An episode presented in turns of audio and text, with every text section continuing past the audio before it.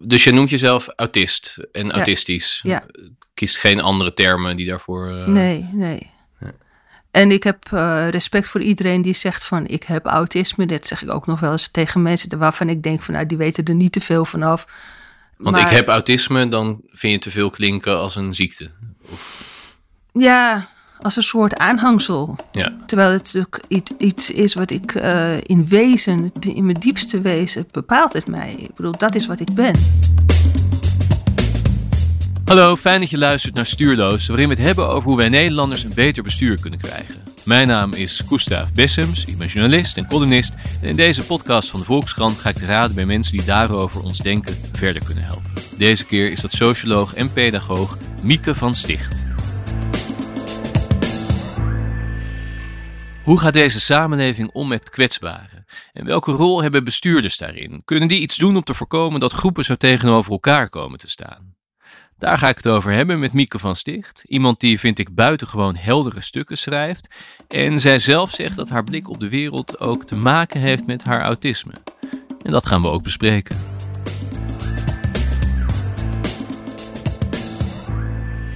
Tot nu toe heb ik alle afleveringen van Stuurloos op de redactie van de Volkskrant opgenomen. Maar we zitten nu, vertel ik aan de luisteraars, bij jou thuis. Ja, Wat wel gezelliger is, moet ik zeggen, met koffie en chocolaatjes. de hoeveelheid beschikbare energie die ik vandaag heb, die stop ik dan liever in dit gesprek Ja. dan in eerst met de trein naar Amsterdam. En dan een hoop prikkels. En dan kom ik al totaal overprikkeld bij jullie aan. En eh, totaal gedesoriënteerd, want nieuw gebouw, nieuwe omgeving. En dan moet ik me alsmaar aanpassen. En heb ik al driekwart van mijn energie uitgegeven voordat we beginnen te praten. Dat Ja, is gewoon zonde. Dat is zonde, inderdaad. Ja. En verder, toen ik vroeg, is er nog iets anders waar we rekening mee kunnen houden? Zei hij, niet te heftige deodorant of eh, Ja. parfum. Nou, ik ben dus echt... Je vroeg het heel voorzichtig Ja, trouwens. ik, nou, ik vind het super pijnlijk en veel te persoonlijk om dat aan iemand te vragen. Maar tegelijkertijd, eh, als iemand, en zeker vrouwen met parfum, ik, ik word daar gewoon ziek van. Ik voel Ja. me gewoon echt fysiek ziek van worden. ja. Ik proef het in mijn mond. Dus de parfum gaat in mijn mond zitten. Op de, dus ik krijg allemaal een dikke mond, een dikke tong. ja, echt heel onprettig. En dat kan dus ook met heftige eh, aftershave. En, Ja. dat heb, heb jij niet, zie ik meteen.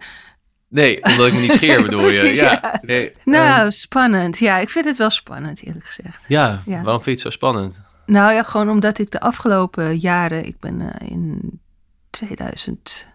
2015 in een enorme burn-out, depressie terechtgekomen. Crisisdienst en alles. Sindsdien is er wel wat een en ander stuk gegaan, zeg maar. Ik ben... Het voelt alsof mijn verster- eindversterker is opgeblazen, zeg maar. Ja, Inclusief de, de herrie in mijn hoofd en de blijvende piep. En eh, het, het idee is eigenlijk, mijn idee is dat ik toen in stukjes uit elkaar gevallen ben. En dat maakt het spannend, omdat ik nu ook een beetje voel als ik kom terug, ik ben aan het herstellen.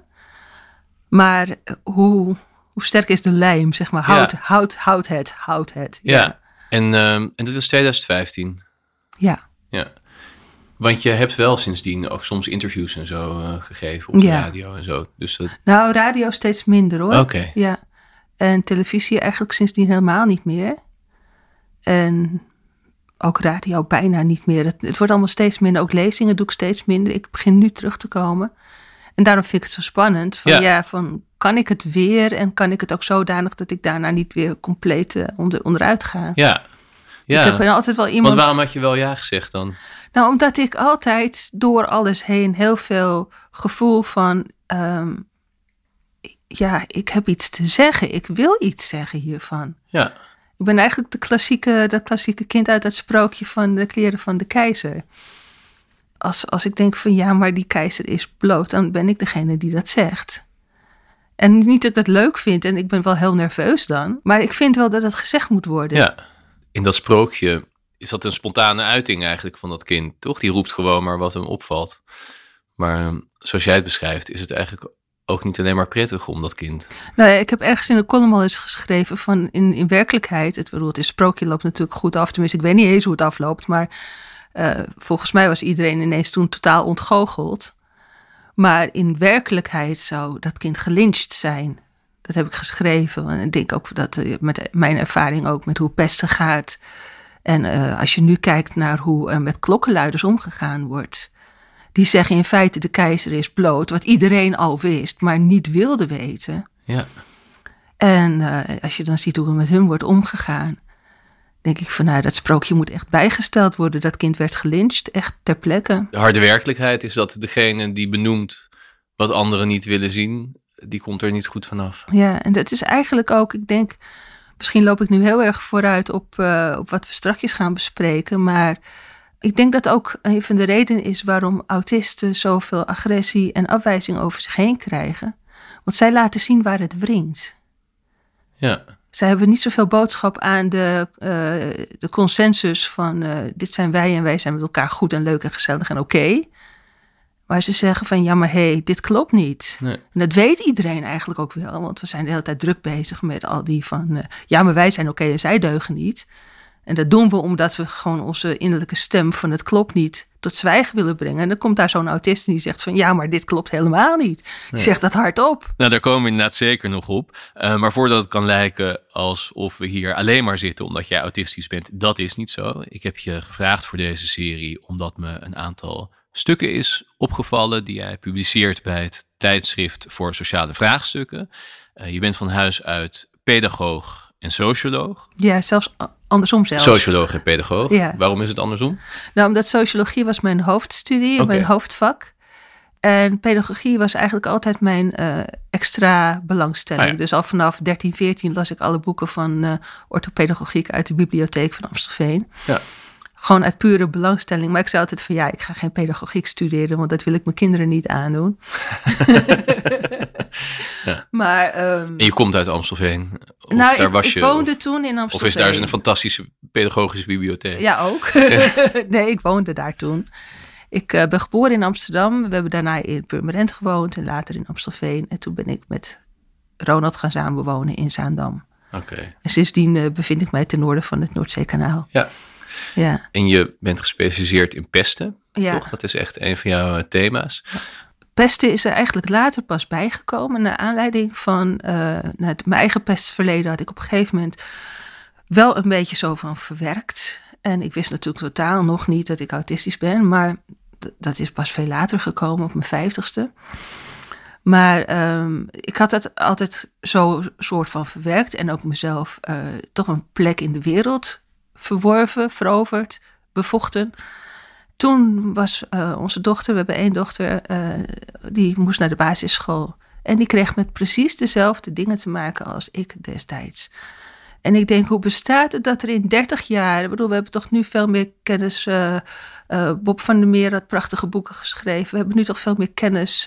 Ik had echt zoiets van, hoe kan het dat, dat dat nu nog precies zo gaat eigenlijk? Wat ging dan precies zo? Uh, pesten, de, de, hele subtiele dingen, maar ook uh, de onwetendheid van leraren. En, en die zeiden van ja, maar ze moet maar wat weerbaarder worden en dat soort. Ik dacht van hoe bestaat het? En, Verantwoordelijkheid werd bij het gepeste het kind, kind gelegd. Ja, en, en, en die moest maar veranderen. En uh, die was overgevoelig enzovoorts. En ik denk, nou, hoe bestaat het? Dus toen ben ik eigenlijk, toen kwam er een spreker op de school van mijn dochter. En die zei iets fantastisch. Die zei, als pesten langer dan twee of drie maanden duurt, dan spreken we van structureel pesten. En dat richt blijvende schade aan. En toen dacht ik, mijn hemel, ik zag mezelf zo op de derde klas, vierde klas, vijfde klas, zesde klas, brugklas, tweede klas, derde klas. Mijn hemel, ik kom zo aan acht jaar, wat ik me heel levendig kan herinneren. Maar ik weet zelf ook nog eerder dat er al problemen waren. Dat weet ik dan van mijn ouders vooral. Ik denk, we hebben het over acht jaar. Ik bedoel, niet twee of drie maanden, maar acht jaar. Dus toen heb ik die man aangesproken. En toen ben ik bij hem in een soort van therapie gegaan, gesprekken. En dat heeft me heel veel gebracht. En op, een gegeven moment werden we ook een soort van collega's. Want ik bracht vanuit sociologie en pedagogiek ook inzichten. En we kregen echt superleuke gesprekken. En in die tijd waren de minister en of de uh, staatssecretaris en de kinderombudsman Dullaert destijds bezig met die eerste wetgeving rondom pesten. Toen hebben wij een soort van uh, position paper opgezet van als we het gaan hebben over pesten, dan moeten deze dingen echt aan de orde komen. Bijvoorbeeld dat het ook een probleem is van hoe uh, is de houding van de leerkracht. Daar, daar begint het juist. En uh, zodoende is eigenlijk dat hele thema van pesten ook op professionele manier opgekomen. Dus we waren eerst in een soort hulpverleningsrelatie en later veel meer als collega. En uh, ja, vanwege de actualiteit. En toen werd ik benaderd van wil je daar een boek over schrijven? Toen dacht ik, ja, dat was ik eigenlijk mijn hele leven al eens van plan. Dit is het moment. Ja, en dat boek is geworden, ligt hier ook alles over pesten. Ja, ik was helemaal niet zo blij met die titel, want ik vond het ook een beetje aanmatigend. En, uh, maar tegelijkertijd, toen die titel er eenmaal lag, heb ik er wel naartoe geschreven. En ik sta er nu ook echt achter, omdat het uh, heel veel invalshoeken combineert. Het is niet één kijk op pesten, het is niet één theorie, het is niet één uh, oplossingje of één methodologie of zo. Wat je nu natuurlijk hebt van al die pestprogramma's. Dit is het beste pestprogramma, nee, dit. En terwijl toen ik over die pestprogramma's moest schrijven van mezelf in het boek, dacht ik: wacht eens even. Dit is mijn boek, ik schrijf wat ik wil. En ik hoef me niet te verdiepen in ieder pestprogramma, maar meer algemeen. Een pestprogramma is zo goed als degene die het uitvoert. Ja. Je kan echt een superjuf hebben in de klas en die heeft, nou met het slechtste pestprogramma ooit, heeft ze nog steeds een fantastische klas. Terwijl je het allerbeste pestprogramma los kan laten op, eh, op, op een ja, onkundige meester. En het zal op niks uitdraaien. En wat is de kern die dan het verschil maakt aan zo'n. De kwaliteit van de pedagogische relatie van, van de, de juf of meester. Als die uh, fundamenteel goed zicht heeft op de groep. En zowel de groep bestuurt als van ieder individueel kind de krachten ziet want dat, dat is wel iets wat echt nodig is, weet je. Iemand moet de kinderen goed kennen eigenlijk. Ja, maar ook zien wat de kracht is, ook van een kind dat jou irriteert. Ja. Het kind dat jou irriteert is het kwetsbaars voor jou. Daar moet je op bedacht zijn. En dat je dan kijkt van wat is hier aan de hand. En dat je dan leert van ja, maar wat is de sterke kant van dit kind? Wat heeft dit kind mij te leren? Ja. Want dat kind is het kwetsbaar, want die heeft namelijk jouw backup in de klas niet. En zit er een overeenkomst in hoe je dit proces beschrijft, zo'n klas, en hoe er uh, naar zo'n kind moet worden gekeken en hoe jij naar de samenleving meer als geheel kijkt? Het is op een grotere schaal, maar je ziet dezelfde dingen terugkomen. Het is hetzelfde proces, maar dan groter. Wat is pesten in de samenleving, uh, bijvoorbeeld? Ik heb pesten wel eens omschreven als het doelbewust uh, uitsluiten en buitensluiten en beschadigen van individuen in, door een groep. Het is het doelbewuste proces. Het is niet uh, het gedrag van een enkeling, want dan moet je je afvragen van hoe kan het dat die enkeling daarmee wegkomt. Bedoel, het is niet interessant om te vragen waarom Trump op die positie zit. Waarom, waarom Trump wegkomt met bepaalde gedragingen, dat is de vraag. Ja. Er moet een heel netwerk van steun omheen zitten die hem in stand houden. Want iedereen weet dat pestgedrag dat het niet oké is. Stel je voor, ik heb jou ik heb jou tot voor een uurtje geleden nog nooit van mijn leven gezien. Je komt binnen en we groeten elkaar vriendelijk. En ik zeg, wil je koffie en zo. En het is allemaal heel normaal gedrag. Dat weet iedereen.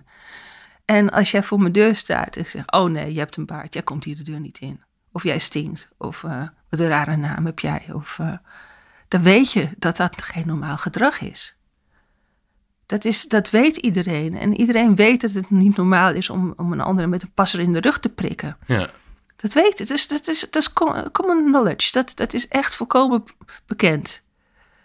Dus wat er opvallend is aan pesten is waarom komen mensen, individuen, groepen met zulk gedrag weg.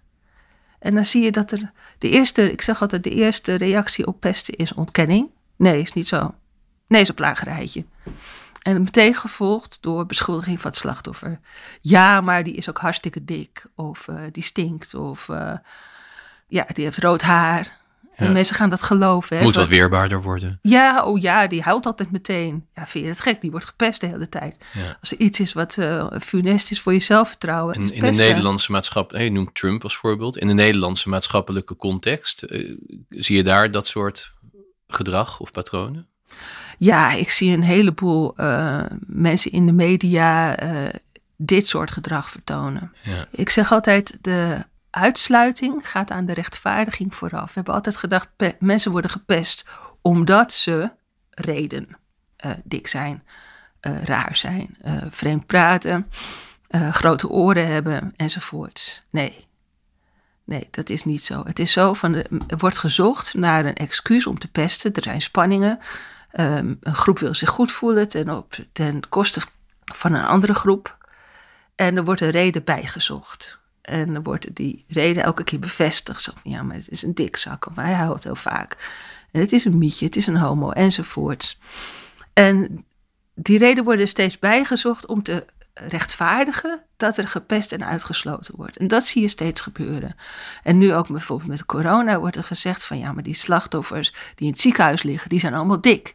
Ja, ja, nou, hadden ze maar moeten zorgen niet dik te worden. Sterker nog, als ze nu vijf kilo afvallen, dan, dan, dan hebben ze minder kans op corona. En dus, dus degenen die daar nu nog liggen in het ziekenhuis, die hebben het echt aan zichzelf te danken.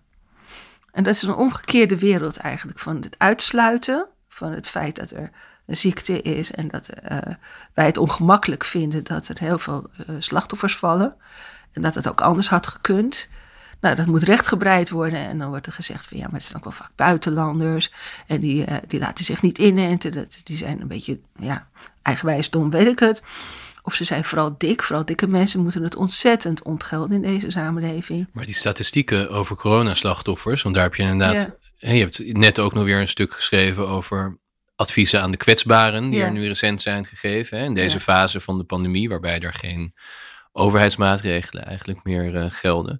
Die statistieken zijn er toch? Dus corona was gevaarlijker voor mensen die ouder zijn, mensen die al een onderliggende ziekte hebben, mensen die zwaarder zijn. Uh, het is geen helemaal wetmatigheid, maar je kunt zien van, oh, die komen vaker in het ziekenhuis dan anderen. Ja. Maar dan moet je bijvoorbeeld ook kijken van waarom zijn mensen zwaarder? En een van de belangrijkste redenen waarom mensen zwaarder zijn is genen. Daar doe je helemaal niks aan. Of dat betekent dat je je leven lang jezelf moet uithongeren om een gewenste uh, figuur te hebben. Nou, dat is bijna niet te doen. Maar een belangrijke andere factor is armoede. Dus het zijn dan heel vaak mensen die al uh, slechtere gezondheidszorg hebben gehad in hun hele leven. Langer wachten om naar de dokter te gaan, omdat die dokter toch altijd zegt van ja, maar zorg is dat je 30 kilo afvalt.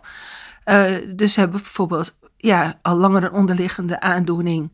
Waar ze denken van ja, als ik naar de dokter ga, dan zegt hij moet ik afvallen. Dat heb ik altijd al geprobeerd. Lukt niet, ik ga maar niet meer naar de dokter. Dus daar wordt allemaal niet naar gekeken. Ja. Er is ook net een onderzoek verschenen waaruit dat ook bleek. Hè? Dus er waren inderdaad relatief vaak mensen met een migrantenafkomst. Ja. Maar het waren ook relatief vaker armere ja. mensen die zijn overleden aan uh, corona. Ja. Verbaas je dat? Nee, dat verbaast me helemaal niet. Want juist inderdaad, ze hebben uh, slechtere gezondheidszorg gehad, lagere opleiding, uh, zwaarder werk, uitbuitend werk, lichamelijk, uh, fysiek veel te zwaar werk, zijn eerder afgebeuld. ik bedoel, armoede zelf zorgt voor sociale minderheidsstress, want je bent onderaan de ladder en dat geeft heel veel stress. En het zorgt voor stress van je moet omgaan met te weinig geld.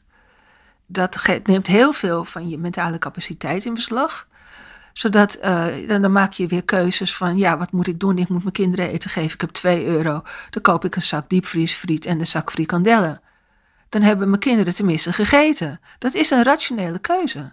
Ja. En dan wordt er gezegd, ja, maar je kunt van heel weinig geld gerust heel veel gezond eten. Ja, als je die mentale capaciteit over hebt. Maar je hebt na een dag vol met stress over rekeningen en deurwaarders. denk je alleen maar, oh god, die kinderen moeten ook nog eten. En daar nou, wordt gewoon te, te weinig naar gekeken. De, de, de ideologie is dat we allemaal gelijk zijn en allemaal zelfverantwoordelijk. En dan wordt de rest van het verhaal wordt daarop aangepast. En dat zie je dus ook bij pesten terug. Van wie is dat de ideologie? Dat is de nationale ideologie. Wij hebben een neoliberale uh, minister-president. En het idee is van uh, de markt bepaalt alles. De markt is goed. Dus als wij maar goed zijn voor de economie, en in het geval van minister-president eh, Rutte is dat dus de hele grote jongens, zijn vriendjes. Dan is die economie wel goed voor ons. En die burgers die moeten het hebben, onderling hebben dan vrijheid. Dat is het hele idee. Vrijheid en zelfverantwoordelijkheid. We willen, maar nou, nou had die neoliberale minister-president van jou, die had aan het begin van de coronacrisis heeft hij een aantal doelen gesteld hè, namens uh, de regering. En een van die doelen was toch het beschermen van de kwetsbaren. Uh, Hè, dat, was, dat, toch, dat was een van de officiële doelen van het coronabeleid. Ja, en we hebben allemaal gezien hoe, hoe verschrikkelijk niet dat gelukt is. Ja, vind je dat? Ja, nee, ik vind dat één grote clusterfuck. Het, is nooit, het ging nooit om de kwetsbaren.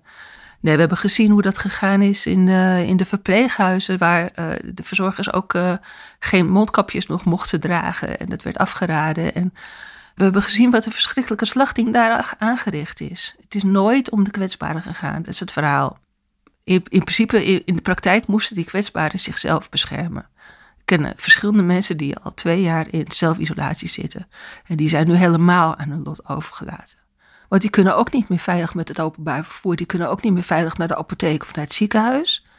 Want iedereen denkt van ja, mondkapjes, aha, we doen niet zo gek met elkaar ook om. Nou, jij hebt op een gegeven moment een stuk geschreven waarin je, maar je moet het zelf eigenlijk maar vertellen, maar als ik het samenvat, waarin je eigenlijk betoogt dat de nadruk op eigen verantwoordelijkheid, want die was er zeker in het begin van de crisis ook erg, eigenlijk in de hand heeft gewerkt dat groepen zo tegenover elkaar zijn komen te staan. Er zijn natuurlijk hele felle verschillen geweest in de samenleving van mensen die corona helemaal ontkenden, tot mensen die daar juist zeer gealarmeerd over waren. Ook mensen met gewoon hele verschillende belangen. Mensen die hun bedrijf open wilden hebben. En andere mensen die juist meer nadruk wilden leggen op bijvoorbeeld het beschermen van kwetsbaren. En dat is natuurlijk zeer gepolariseerd geraakt. Jij relateert dat eigenlijk aan die nadruk op eigen verantwoordelijkheid. Ja, je hebt het liedje gehad van die 15 miljoen mensen op dat hele kleine stukje aarde, die schrijf je niet de wetten voor, die laat je in hun waarde. Nou, dat is een soort national anthem geworden. Ja. Uh, Nederlanders die vinden dat ze inderdaad het zelf wel bepalen. Dus die eigen verantwoordelijkheid, het is meteen een soort van eigen waarheid geworden. En mensen hebben dus eigen versie van de waarheid. En het idee is dan dat iedereen wel een beetje gelijk heeft, of in ieder geval zijn eigen gelijk. En dat kun je vinden, maar er is natuurlijk ook nog zoiets als een ziekte die ondertussen doorgaat. Bedoel, de een heeft een stuk minder gelijk eigenlijk dan een ander. En dat is waar het misgegaan is. Mensen die hebben zo'n eigen versie van: oké, eh, ik uh, doe alleen een mondkapje, maar dan alleen uh, onder mijn neus, weet je wel, want het is alleen maar beslaat mijn bril, heb ik last van. Of ik doe geen mondkapjes, of, of ik doe juist wel een mondkapje en dan worden ze daar weer agressief op aangekeken. Omdat nu het gedrag van de ander eigenlijk ook een aanval op jouw waarheid is. Dus je, je rechtvaardigt je eigen gedrag van ik doe het goed of ik doe het goed genoeg. Je hebt een heleboel, uh, ja, we noemen dat uh, cognitieve dissonantie, reductie. Dus een heleboel redenen waarom je denkt dat dit goed is. Dus dat heb je dus helemaal dichtgetimmerd. En dan komt er een ander en die gebruikt juist wel een mondkapje of juist niet. En dat is ook meteen een aanval op je eigen waarheid. Dus mensen die zonder die sturing komen die de hele tijd. Dan mis je iemand die zegt: Dit is toch echt wat meer de waarheid dan het andere. Die ene heeft gelijk en die andere. Ja, precies. Een soort, uh, een soort rechter daarin die zegt: van hoor eens, we hebben met elkaar met die ziekte te maken. Het is niet stuk voor stuk. Ja. Je hebt twee soorten waarheid. Je hebt het geloofssysteem, van het is helemaal dichtgetimmerd. Uh, dit is mijn waarheid. Uh, dus de, de, de, de viruswaarheid idee, zeg maar, helemaal dichtgetimmerd. En dat is heel fijn, want het is, geeft een hoop houvast, geeft identiteit. En uh, ja, je hoeft niet meteen, niet de hele tijd te piekeren erover. En dan heb je wetenschappelijke waarheid, die komt steeds met nieuwe inzichten en kritiek. En daarin moet je steeds zeggen van hoor eens, dit is wat we nu weten. Op grond hiervan nemen we deze beslissing. Maar het kan zijn dat we er straks op terug moeten komen. En dan moet je daar ook toe bereid zijn. En dat moet je dan communiceren en ook faciliteren. Het vervelende is wel dat in ons land eigenlijk alle maatschappelijke structuren die we hadden, die zijn afgebroken. En dan heb je ook de, de GGD bijvoorbeeld, die is echt zwaar overbelast geworden. Uh, het leger heeft het niet opgenomen. We hadden op een gegeven moment zelfs een hele IC-unit uh, opgebouwd. En weer afgebroken tegen de tijd dat hij nodig was. Het was echt chaos. En dat zie je dus de, de schade van een afgebroken samenleving. Omdat uh, als je denkt van de waarheid, van de wetenschappelijke waarheid. Waarom zijn nog steeds niet in elke wijk of elke kleine gemeente een teststraat voor iedereen waar je in kan lopen? Waarom zijn vaccinatielocaties echt. Uh, maar moet je hiervoor naar Den Helder voor een prik, terwijl de, buur, de buurman krijgt om bij de huisarts? Het chaos. En mensen gaan, gaan daarin morren. Dus dat geeft natuurlijk ook uh, de verleiding om je over te geven aan de soort alternatieve waarheid, die tenminste één consistent geloofssysteem is. En waarom, als dat, het, als dat de reden is, waarom gaan mensen dan tegen elkaar morren en niet tegen een regering die in jou, hè, zoals jij het, het, schema neerzet, is die dus verantwoordelijk voor de sturing, voorziet niet, faciliteert niet. Je hebt het zelfs over een afgebroken samenleving. Ja. Dan zou je denken, dan gaan die mensen daartegen morren. Nee, maar dat is natuurlijk in die neoliberale samenleving hebben we die ideologie dat we allemaal zelf kiezen, zelf mogen kiezen. Dat is onze vrijheid, die, die wij zo noemen. Dat zijn de keuzevrijheid. En dat is onze grote heilige koe, zeg maar. En we hebben een minister-president die zegt dat hij geen ideologie heeft. En dat vindt ideologie zelfs maar eng en raar en uh, achterhaald. Terwijl hij de, dikste ideoloog is uh, die er rondloopt in feite. Het is een hele sterke geloof in, in dat de markt en in de economie het allemaal gaan oplossen. En burgers onder elkaar. En, ja. Maar hebben burgers dat dan, denk je, geïnternaliseerd? Ja. Dat idee? Ja. Dus ze verwachten die sturing ook niet? Nou, sterker nog, de, die sturing die er dan komt, ervaren ze als een soort uh, uh, ja, Noord-Koreaanse uh, staatsdictatuur. En zo wordt het dan ook gelabeld. Ik bedoel, de woorden, de begrippen van solidariteit en zo, bedoel, daar, die, die zijn we kwijtgeraakt daarin. En het gekke is, mensen hebben daar wel behoefte aan. Mensen hebben behoefte, diepe behoefte. Wij zijn groepsdieren. En dat is dus ook het, uh, het minder leuke hoofdstuk, wat ik uiteindelijk het leukste hoofdstuk in mijn boek vind. Dat is over de biologie. Dat is dat wij als mens echt door en door sociaal zijn. Als je geboren wordt als kind zonder mensen om je heen, dan word je zelfs niet eens menselijk. Je leert geen taal, je leert niet leren en je leert uh, niet rechtop lopen en je wordt niet eens oud. Dus vergeet Mowgli van Jungle Book. Het, het loopt slecht af, echt waar. En, uh, Alweer een kinderverhaal wat slechter afloopt dan we hebben geleerd. Ja, ja. tijd voor sprookjes is voorbij. Hè? Dat, uh... Mijn vraag was eigenlijk ja, waarom, waarom die ergernis zich dus niet richt tegen de verantwoordelijken, maar ja, uh, omdat, elkaar. Ja, omdat we dat verhaal niet hebben. We hebben geen gemeenschappelijk verhaal waarin we samen er wel uitkomen. Dat, dat heeft een verhaal nodig, een gedeeld verhaal. En dat heeft ook leiderschap nodig. En dat is op dit moment helemaal afwezig. En jij zei, ja. Uh, als er dan wel wordt ingegrepen, dan wordt dat eigenlijk alleen ervaren als een onwenselijke ja. inbreuk. Ja, omdat die uh, manier van ingrepen, uh, ingrijpen geen recht doet aan de gemeenschappelijkheid. Dus het moet eerlijk zijn, consistent, rechtvaardig en dan voor iedereen. En dan zijn mensen ontzettend veel bereid, zoals inderdaad om acht uur s'avonds buiten te gaan klappen voor de zorg. Mensen zijn ontzettend bereid om mee te doen in zo'n verhaal, als ze zichzelf gezien en gehoord voelen. En waar dat niet zo is, ja, dan krijg je problemen. Want ik vond de avondklok ook een onwenselijke inbreuk. En ik vind de coronapas ook een enge maatregel. Ja, dat kan me goed voorstellen. Ik, ik was ook. Uh... Ik denk dan ook, de staat komt hier veel te diep uh, mijn persoonlijk leven binnen.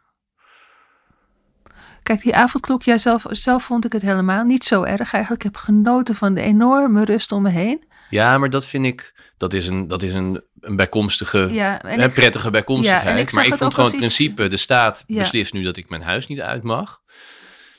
Uh, dacht ik niet van, ha, wat lekker, een beetje sturing. Nee, maar als het... Uh... Kijk, stel je voor, er is een. Uh, heel lang geleden had je die, die, die kerncentrale bij Tsjernobyl die uh, ontplofte. De staat op zo'n moment zegt van blijf binnen als dat geloofwaardig is en functioneel, dan zijn mensen zich bereid om die enorme inbreuk te accepteren. Dus dat moet tijdelijk zijn, het moet een heel goede reden hebben, het moet goed gecommuniceerd zijn, het moet voor iedereen gelden. En dan is het niet leuk, maar dan verwacht je dat een staat je beschermt. Dus in feite, ja, leuk is anders, maar ik vond het wel uh, in, in die context aanvaardbaar. Als het voor altijd is, nee, natuurlijk niet. Maar als je zegt, jongens, dit doen we met elkaar om deze reden. Het heeft een bepaalde periode. We gaan kijken of het werkt. Alsjeblieft, doe het met elkaar. Dan zie je dat mensen elkaar daarin steunen. Dus dat is, dat is altijd van het soort leiderschap moet recht doen aan de behoeften van mensen, aan de, van rechtvaardigheid. En dat is wat ik eigenlijk net wilde zeggen. Is dat mensen, we zijn sociale dieren. We hebben ontzettend behoefte in onze biologie aan saamhorigheid, rechtvaardigheid, vrede, vriendelijkheid. Uh, uh, dat zijn dingen die we heel graag willen en daar we ook goed bij voelen, biologisch, uh, fysiek. Dus fysiologisch voelen we ons daar goed bij. En zaken als vijandigheid, wantrouwen, agressie, onveiligheid, dat zijn allemaal zaken waar we ons ziek bij voelen. Als dat lang, langdurige stress word je echt ziek van. We kunnen heel snel even met flink wat stress kunnen we vechten of vluchten. Maar als het lang duurt, dan gaan we van binnen kapot. Dus die behoefte is er, maar samenlevingen zijn gecompliceerd. Ik bedoel, ga maar eens met je van hele familie een weekje uh, op vakantie. Dat is gecompliceerd om dat goed te houden. Dus je moet altijd kijken van hoe je, dus door middel van uh, goed leiderschap, kun je zorgen dat die behoefte maximaal voorzien wordt. En natuurlijk, er is altijd gedoe. Ik bedoel, ik, ik ga niet zeggen van er is een uh, mooie wereld waarin nooit gepest nee, wordt. Er is, de helstaat bestaat niet. Nee, die bestaat niet. Maar je moet wel bedenken van hoe kunnen we dingen zo goed mogelijk regelen. Zo, goed, zo rechtvaardig mogelijk. En dat, dat is waar eigenlijk waar het ontbrak. In het begin dacht je nog heel even van oké, dit is nu nodig en functioneel en dan kunnen we dit met elkaar. En dat is langzaam afgebroken. En ik ben het helemaal met je eens. Ik geloof, het is ook veel te snel richting de technologie en de controlestraat staat gegaan. En die geloofwaardigheid en het vertrouwen, dat zijn wel de twee dingen waarbij het dan, waar het dan denk ik om gaat. Omdat inderdaad bij die avondklok had ik heel erg, nou ik, had, ik was dezelfde overtuiging toegedaan als jij. Dat ik dacht, als er gewoon vroeger slimmer was gehandeld, waren we hier misschien niet beland. Mhm.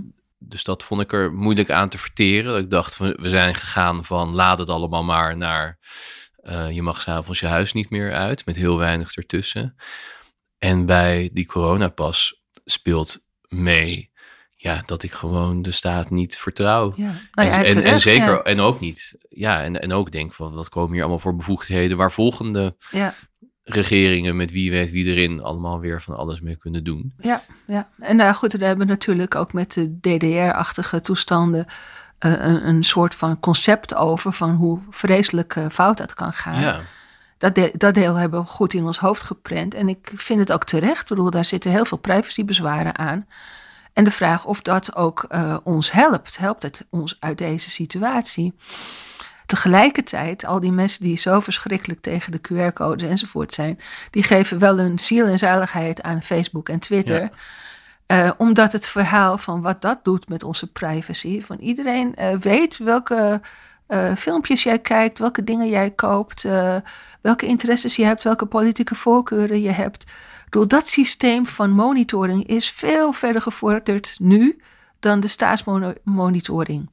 zeg je eigenlijk van die, die vrees voor de almachtige staat, die hebben we ons goed ingeprent en Ja. op zich ook terecht. Ja.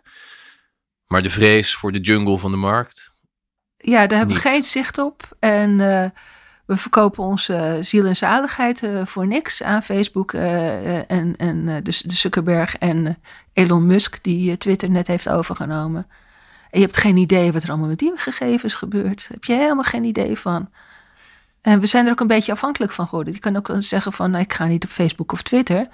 Maar je vrienden zitten er allemaal wel. Dus je sluit jezelf buiten, zeg maar. denk je dat het kan, een leiderschap waarbij je voor allebei eigenlijk niet hoeft te vrezen? Dus niet de te harde hand van de staat, maar ook niet de situatie waarin je eigenlijk aan je lot wordt overgelaten. Ik bedoel, hebben we het alles reëel bestaand gezien? Ja, we zitten natuurlijk in een kapitalistische wereld waarin de echte macht bij de grote bedrijven ligt. Dus het is heel erg lastig om als klein landje dan te zeggen van ja, wij kunnen wel een goede verbindende leider hebben. Maar in principe de- dat het zo ingewikkeld is, wil niet zeggen dat het niet beter kan dan dit. Nee, oké. Ja, Ik, bedoel, ik ga niet zeggen, in, inderdaad, ik geloof niet dat er nu meteen een leider op kan staan die zegt, die, eh, wij als volk, die doen het geweldig. Maar ik denk wel dat het veel beter kan dan dit. Eh, bedoel, eh, niet iemand die de verantwoordelijkheid eh, stelselmatig afwijst en dan een, een kopie van zichzelf neerzet op een functie en die dat afschieten. Ik bedoel, het, is, nee, het kan echt veel beter dan dit. Denk je dat mensen aan de macht kunnen komen en goede mensen kunnen blijven? Ehm, nou, in dit systeem, en dat heeft eh, Paul Verhagen ook al eens opgewezen. Wie is eh, Paul Verhagen? Paul Verhagen is een eh, Vlaamse psychoanalyticus. Hij heeft prachtige boeken geschreven. Waar ik natuurlijk eventjes niet op de titel kan komen. Nou, gaan, gaan we in de notes zetten. I- bij de- Identiteit. Identiteit heet zijn boek. Vond ik een fantastisch boek. Maar een van de dingen die hij heeft gezegd is dat ons systeem van kapitalisme en neoliberalisme, die filtert eigenlijk vooral de, de, ehm, de antisociale persoonlijkheid uit. Dus de, ja, de, de psychopaten, zeg maar. De, die krijgen daarin makkelijker een positie. En mensen die het heel erg goed en integer doen, die worden eigenlijk in een vroeg stadium al eh, weggeleid, eh, functie elders. Die worden echt eh, afgevoerd. Waarom is dat? Omdat het systeem zelf belang bij heeft om in stand te houden. Dus er zijn mensen met macht, hebben vriendjes met macht en die zorgen met elkaar dat zij aan de macht blijven. Dus in dit systeem is het heel erg lastig om als empathisch leider überhaupt aan de leiding te komen. Want je bent al voor die tijd eh, of overspannen of eh, met geweld eh, afgevoerd. Maar waarom, waarom is dat zo? Waarom heb je zo'n nadeel als, als empathisch leider? Want er zijn toch ook veel mensen die dat appreciëren, die je steunen. Ja, oh, absoluut. Ja, maar als, als het grote wereldsysteem op dit moment, de macht in de wereld, ligt bij de grote kapitalisten. Dus daar, daar zul je als kleine leider van een klein landje wel eh, tegenover komen te Maar staan. ik vind dat toch abstract, want jij refereert met functie elders, refereer je aan eh, Pieter Omzicht, hè, de Ja. zelfstandig Kamerlid inmiddels al heel lang, eh, Ja. eerst bij het CDA. En dat is inderdaad iemand die, eh, nou ja, eh, Die kritische vragen stelt. ja, en die het niet heeft uitgehouden binnen zijn partij en die Ja. nu eh, alleen werkt.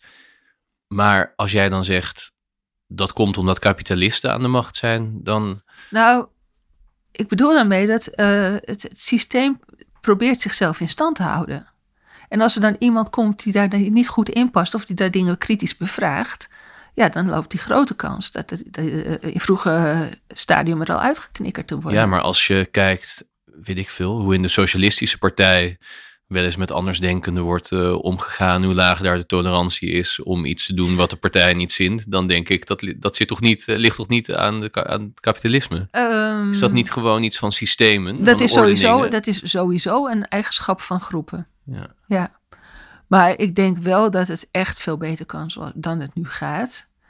En dat je bijvoorbeeld zo zo iemand als Angela Merkel, die daarin toch veel beter was om iedereen aan te spreken over haar eigen eh, partijen of politieke ideologie heen. ja, dus er zijn gradaties. Er zijn echt gradaties. En ik zie wel bijvoorbeeld dat eh, leiders die op welke manier dan ook eh, ooit al een keer mee, eh, hebben meegemaakt dat ehm, eh, onderdrukking bestaat, dat die leiders veel empathischer zijn. Denk Als ze aan, het zelf hebben meegemaakt of hebben gezien. ja, van dichtbij denk aan, aan eh, eh, Mandela, Eh, Obama toch ook wel. Ik bedoel, ja, het is niet dat ik helemaal in kamp Obama ben, maar hij had wel meer oog voor sociale uitsluiting. Ja, omdat hij zwart is. Hij en bij dat Merkel denk je dat omdat zij vrouw is. Vrouw is. Ja. en ik zat te denken, en ook het Ook- regime in Oost-Europa heeft zij meegemaakt. heeft eh, mee- dingen meegemaakt, eh, Oost-Europees. Ik bedoel, niet, ik ga niet roepen dat alle vrouwen heilig zijn natuurlijk, want dat is ook niet zo. Kijk naar Thatcher.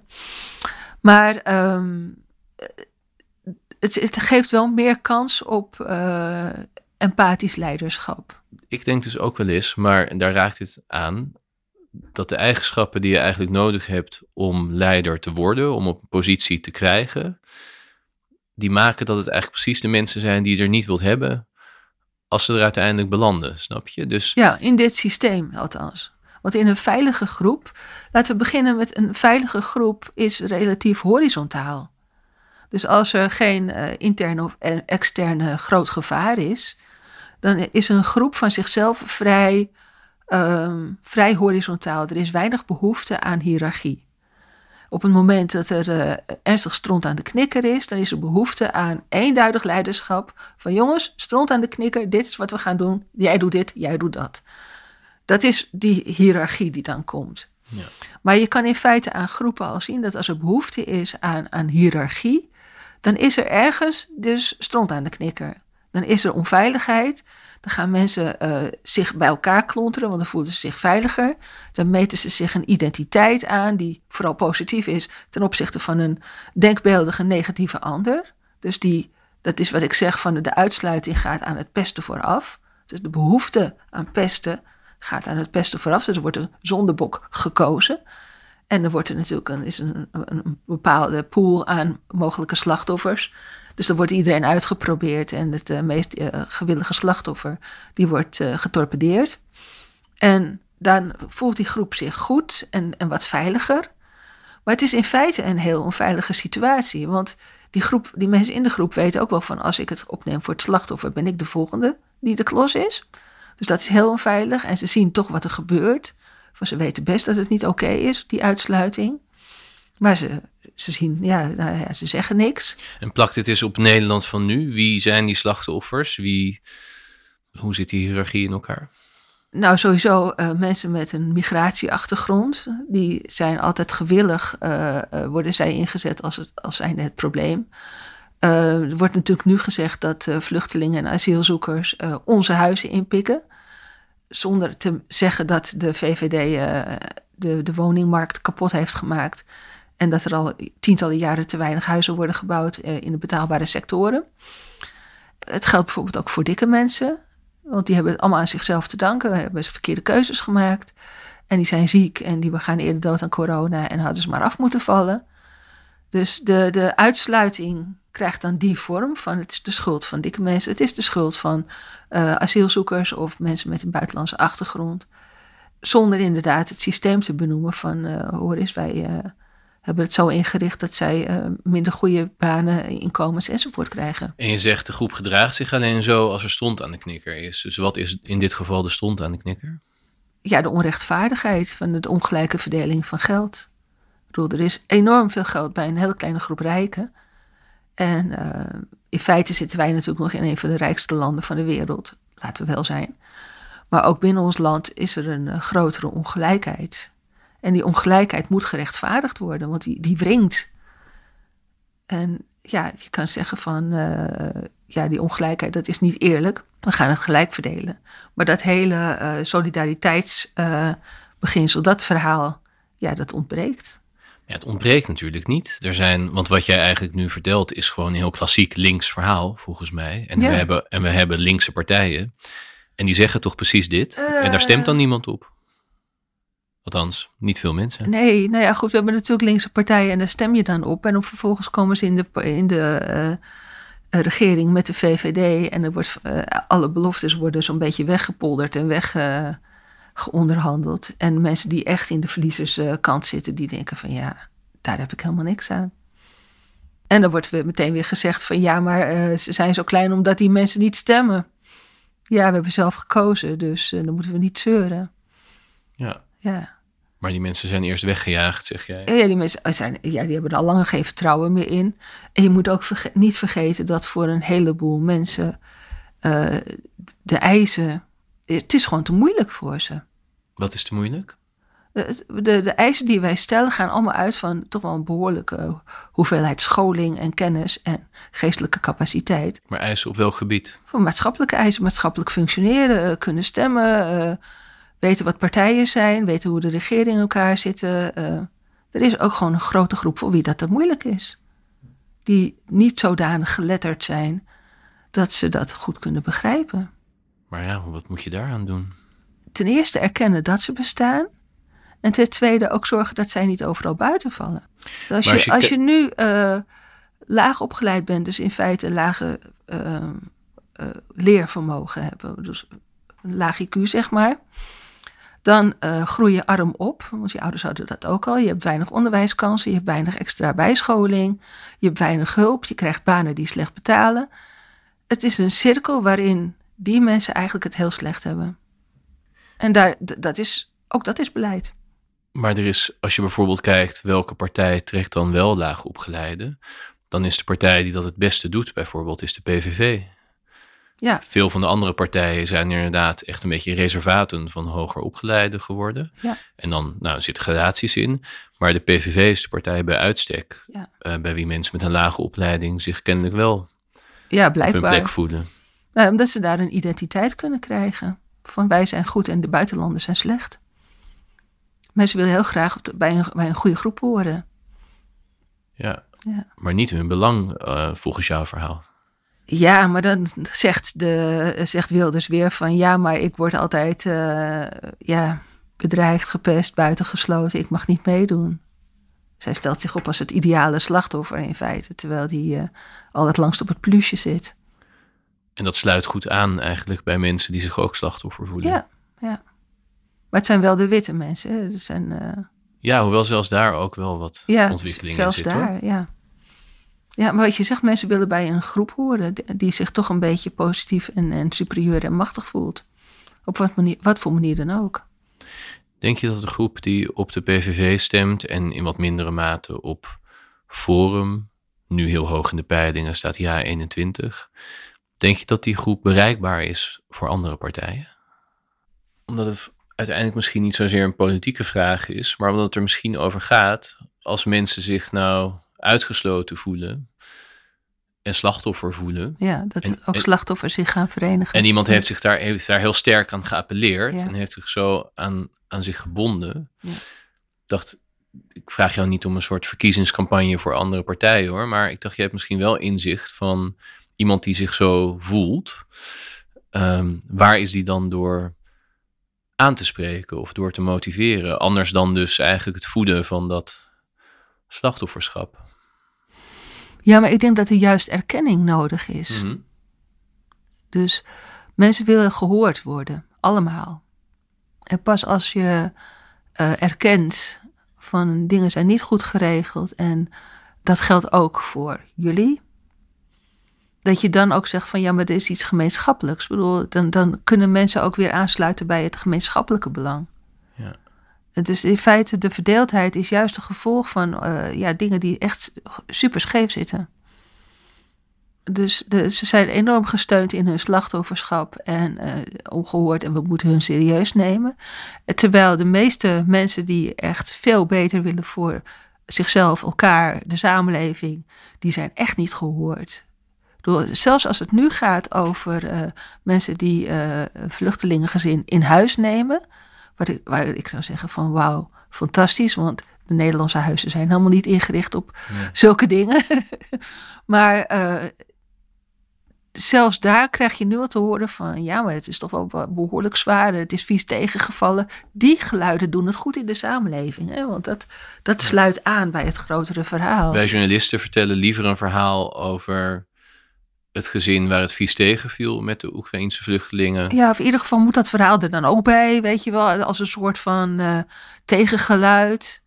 Terwijl ik denk van de meeste mensen die hebben echt, wat ik net al zei, behoefte aan een stabiele, gezonde samenleving die aansluit bij wat wij als mensen willen, namelijk gewoon vrede en veiligheid en rechtvaardigheid. En zijn van goede wil. En ze zijn van goede wil. Dat zie je echt. Mensen zijn zo bereid elkaar te helpen de, de spullen stromen binnen. Die arme mensen weten gewoon niet wat ze ermee moeten met al dat, uh, al dat speelgoed en zo.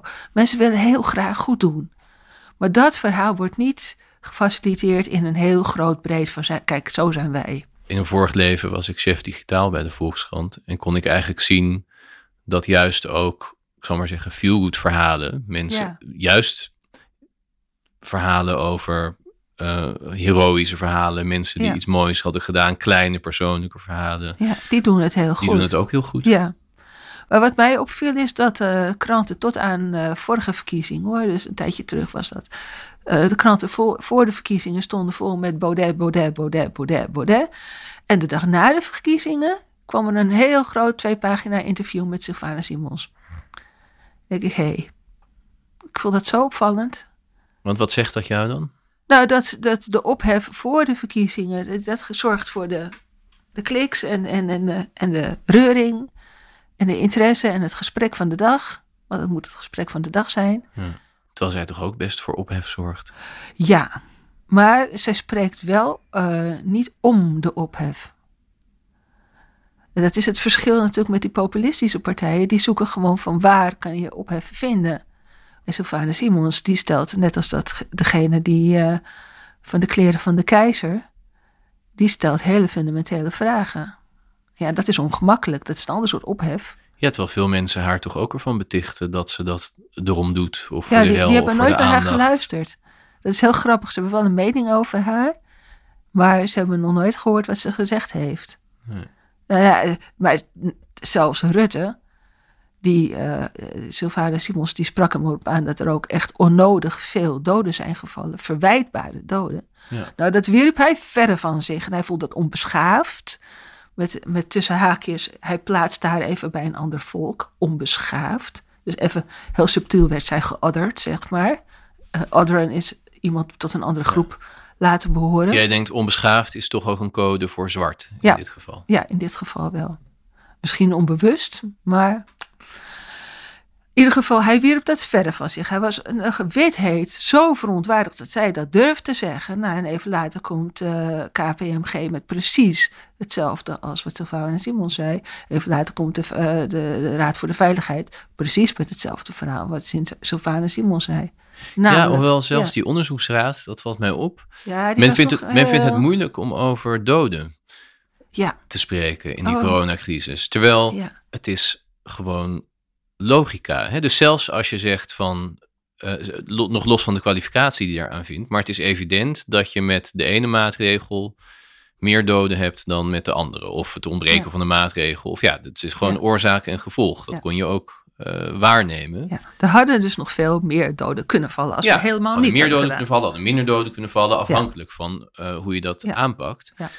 En dan kun je zeggen van nou, ik vond dat niet het belangrijkste. Dus ik vond het, hè, dat, dat zou je kunnen zeggen. Je zou kunnen zeggen, ik vond het belangrijker om uh, dit of dat open te houden dan om nog meer slachtoffers te voorkomen. Maar het vreemde is eigenlijk dat in die coronacrisis mag je eigenlijk de oorzaken en gevolgen bij die doden helemaal niet. Nee, de, de, do, de doden zijn eigenlijk vanaf het begin af aan stilgezwegen. Ja. En dat vind ik het heel erg, want nu hebben ze het, gaan ze het ineens hebben over een, uh, een moment of Nationaal moment gaat er komen. Ik vind dat van een extreme hypocrisie. Echt, ik vind het verschrikkelijk. Want al die tijd, uh, zelfs als je kijkt naar het corona dashboard, je moet zoeken naar de vraag: hoeveel doden zijn er tot nu toe gevallen in Nederland door corona?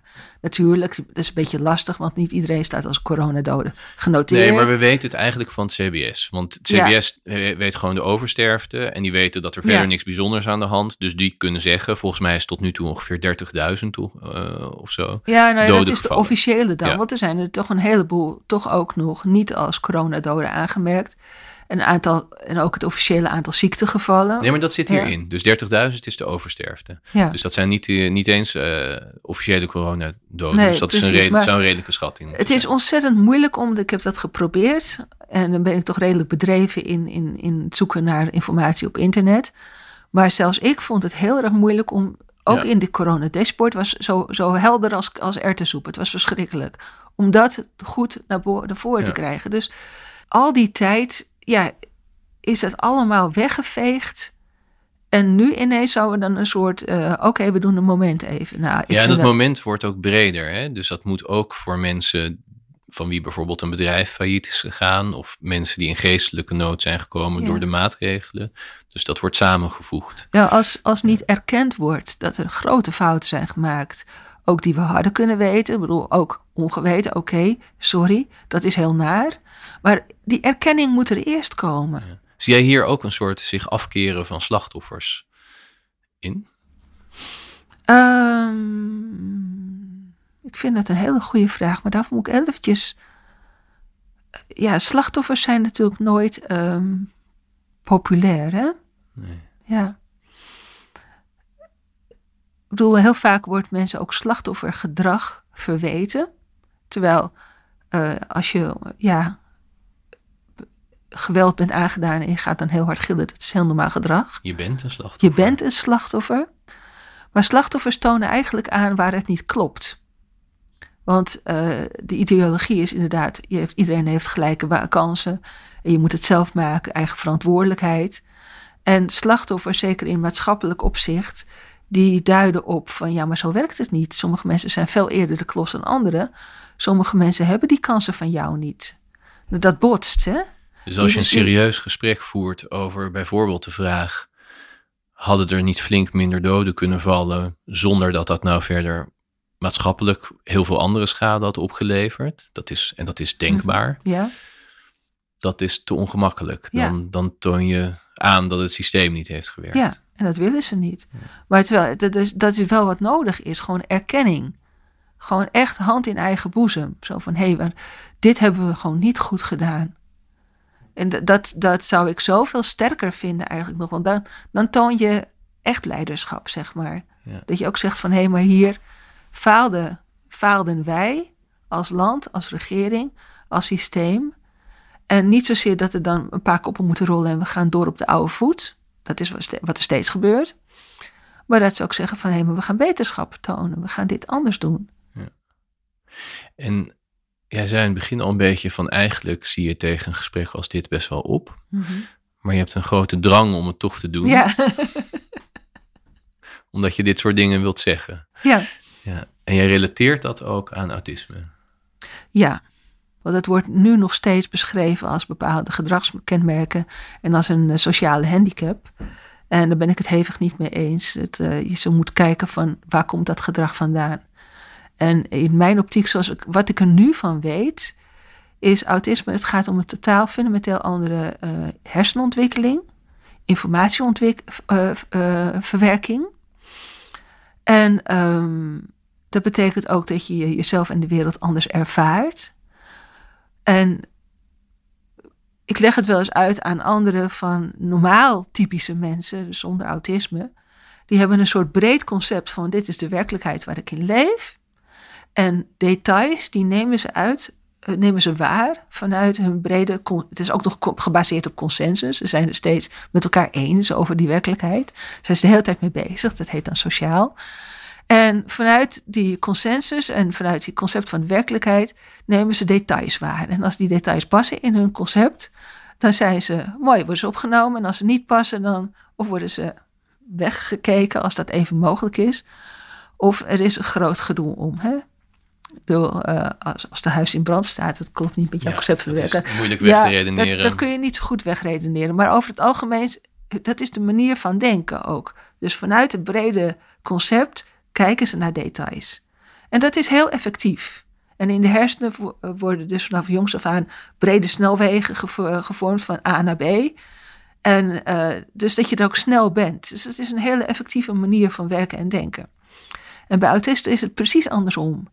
In ieder geval, de autist zoals ik, ik dat ben en velen met mij. Want er zijn natuurlijk heel veel verschillende variaties van mm-hmm. een andere hersenontwikkeling.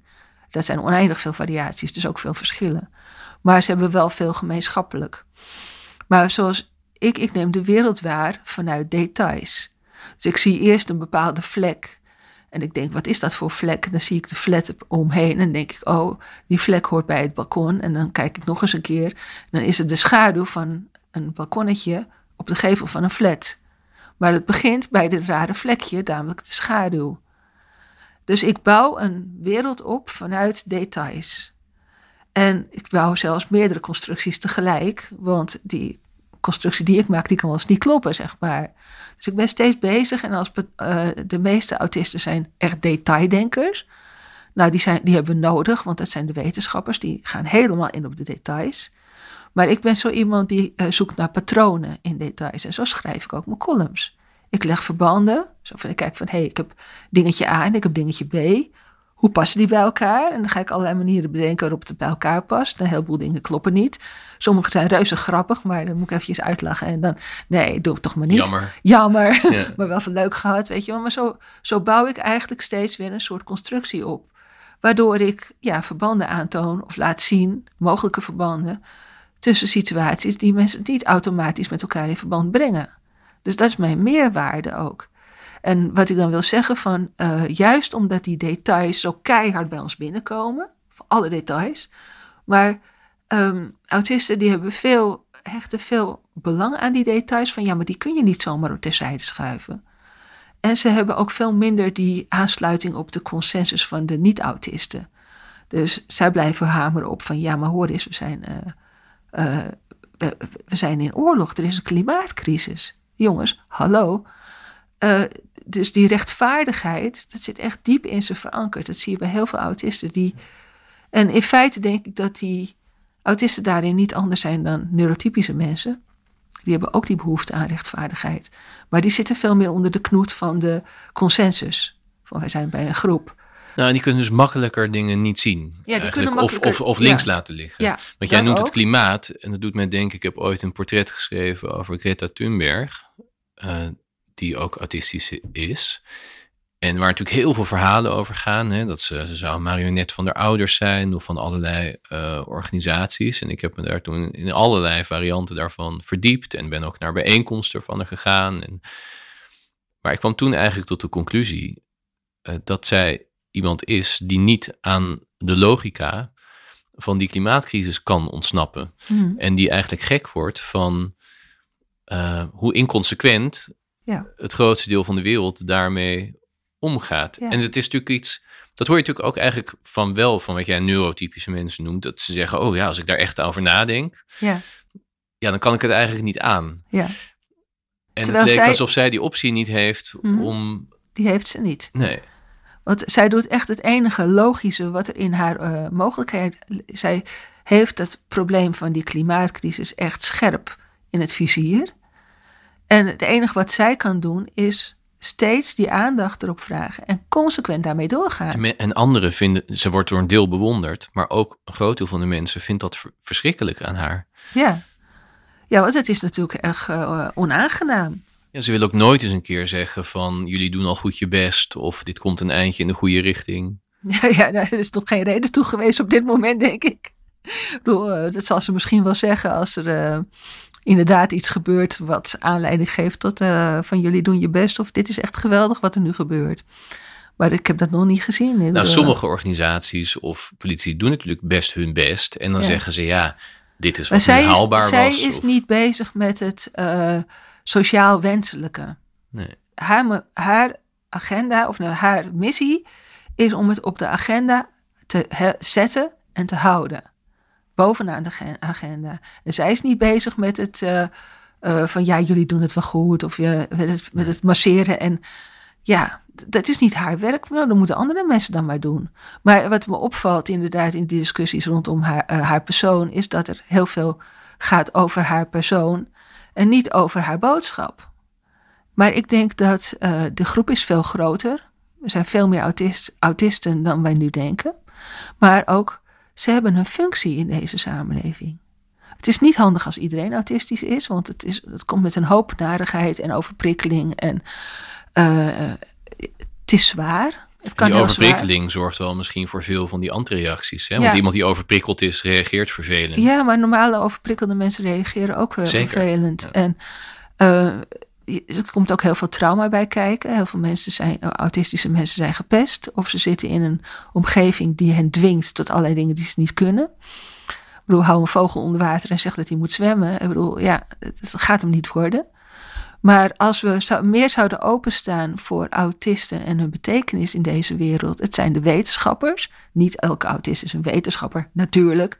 Maar En niet elke wetenschapper een autist. niet, maar de manier van denken in de wetenschap past wel heel erg bij autisme. Namelijk gefocust op detail, gefocust op waarheid, gefocust op het ontwikkelen van patronen die kloppen. Ik bedoel, het zijn mensen die echt dedicated, helemaal toegewijd zijn aan een bepaald onderwerp. Ik bedoel, het is. eh, Maar ja, er zit natuurlijk toch een, zoals jij het beschrijft, ook een hele voor de hand liggende frictie tussen. Want jij beschrijft neurotypische mensen als mensen die er heel handig in zijn om alles wat ze niet zo goed uitkomt, beetje terzijde te schuiven. Dus als je dan geconfronteerd raakt met iemand die precies die dingen de hele tijd onder je neus wrijft, ja, dat is erg ongemakkelijk. is het wel logisch dat Ja. je dan een antireactie vertoont. Ja, ja, en dat is wel logisch, maar tegelijkertijd niet oké. Ja. Autisten zijn goede sociale eh, wetenschappers en psychologen, want ze doen al vanaf het begin niet anders dan de anderen observeren. En zo ervaar jij het zelf ook als je je uit of schrijft. Of... Ehm, ja, ik, ik heb natuurlijk die drang om iets te kloppend te maken aan deze wereld. En ook eh, die drang om dat te zeggen. En eh, ik heb al eens een keer al geschreven over dat sociologen zijn als de Spin Sebastiaan van Annie M. G. Schmid. Die Spin Sebastiaan die wilde heel graag een web eh, weven. En andere spinnen waarschuwden hem van het is gevaarlijk binnen voor een spin. En de Sebastiaan zei eigenzinnig nee, de drang is mij te groot. Zeiden alle anderen innig, Sebastiaan, dit wordt je dood. Ja, En uh, Spin Sebastiaan ging naar binnen, eigenzinnig en niet bang, zeiden alle andere spinnen. Kijk, daar gaat hij met zijn drang. Ja, en hij eindigt? Uh, opgeveegd, ja.